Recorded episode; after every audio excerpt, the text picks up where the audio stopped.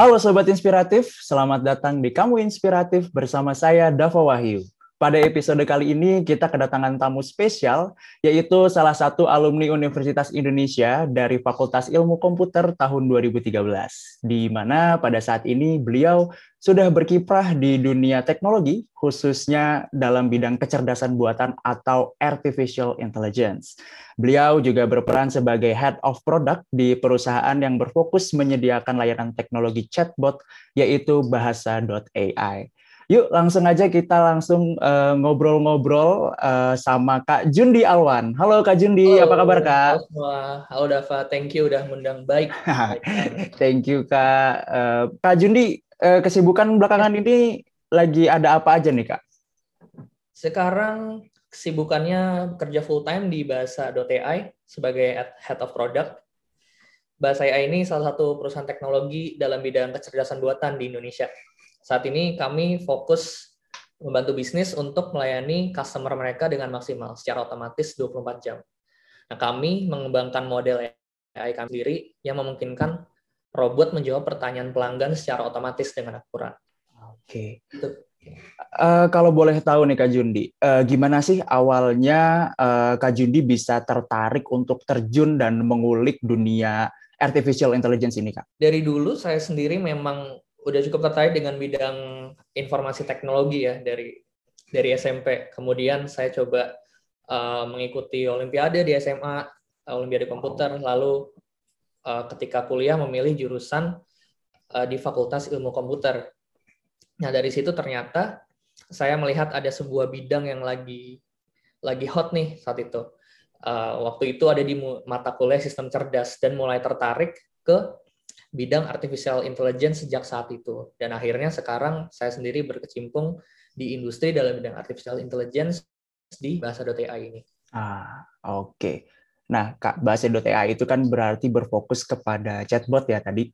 Uh, nah, ini mungkin banyak uh, sobat inspiratif yang belum tahu apa itu chatbot. Nah, uh, menurut Kak Jundi, uh, chatbot itu apa sih dan uh, bagaimana pemanfaatan chatbot itu di kehidupan sehari-hari? Chatbot itu sendiri istilahnya dari gabungan dua kata. Itu chat robot. Jadi secara artinya sebetulnya ini robot yang menjawab chat. Secara konsep, cara kerja chatbot ini sebetulnya cukup sederhana. Jadi customer atau pelanggan itu akan chat melalui chat platform, contohnya kayak WhatsApp, Line, Messenger, eh, atau website Kemudian chat customer ini kemudian akan diproses oleh robot tersebut. Robot ini yang memiliki kapabilitas untuk mengidentifikasi chat customer dan menentukan robot harus jawab apa selanjutnya. Robot ini akan menggunakan model AI yang sudah tersedia untuk menentukan jawabannya. Kemudian jawaban tersebut akan dikirim kembali kepada pelanggan melalui WhatsApp, Line, Messenger, atau website tadi.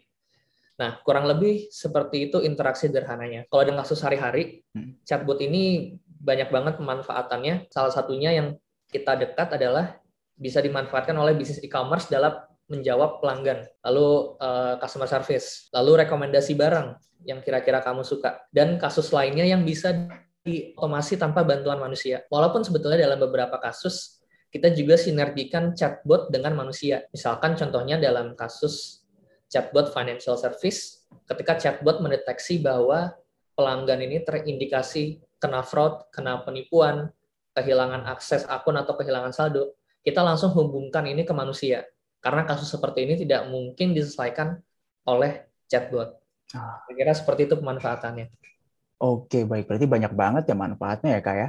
Tentu. Nah, kalau kita tarik sedikit ke belakang gitu ya, berarti kan chatbot ini bisa dibilang adalah sebuah sub ya dari artificial intelligence itu sendiri. Betul. Nah, Uh, pasti juga banyak yang awam dengan artificial intelligence itu apa sih? Menurut Kak Jundi, apa itu artificial intelligence nih Kak? Uh, dan seberapa pentingnya sih artificial intelligence ini di masa masa kini gitu? AI atau artificial intelligence sendiri secara harfiah kalau kita terjemahkan sistem cerdas ya. Nah, sistem cerdas ini dulu diciptakan bertujuan untuk melakukan otomasi pekerjaan manusia baik pekerjaan yang sederhana maupun pekerjaan yang kompleks. Nah, sistem cerdas ini kalau dianalogikan itu kira-kira mungkin seperti bayi.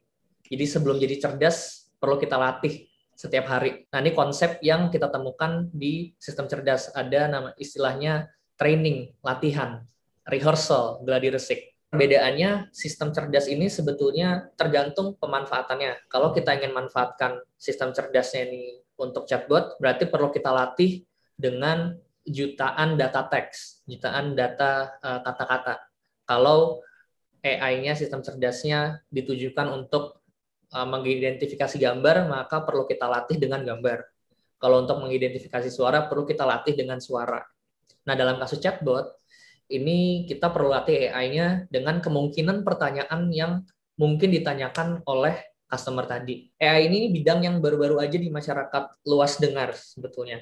Nah, sebut padahal riset AI ini udah berlangsung sejak tahun 1950-an.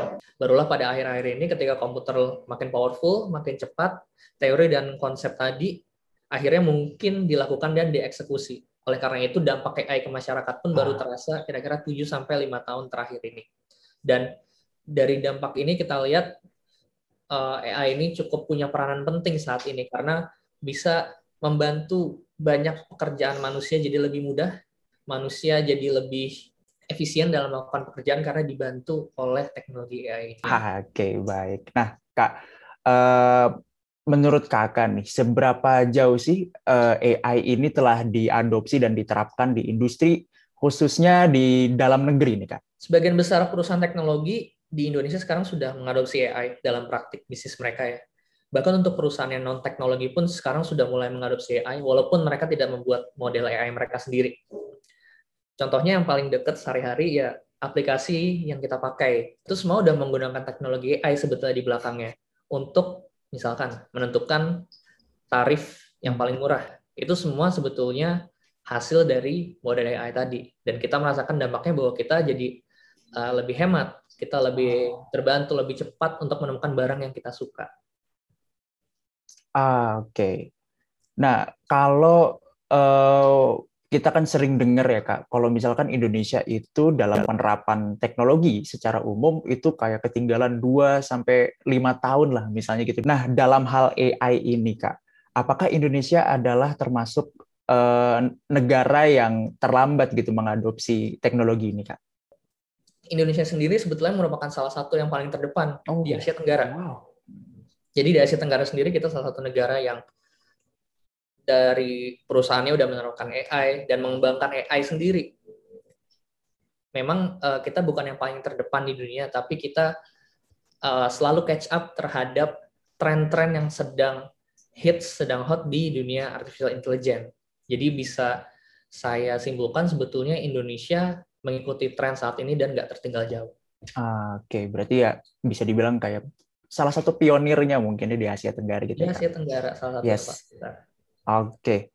Uh, dengan hal tersebut kita sudah menjadi pionir. Nah, masih ada nggak sih kira-kira tantangan yang dihadapi uh, oleh Indonesia dalam mengembangkan teknologi AI ini, Kak? Tentu, tantangannya paling besar ada di talentanya, ada di manusianya. Karena AI ini dibuat oleh manusia, jadi manusianya harus lebih pintar untuk membuat AI yang lebih pintar. Jadi saya bisa bilang tantangannya paling besar sebetulnya ada di edukasi dari hmm. talenta yang nanti akan mengembangkan AI itu di masa depan di Indonesia.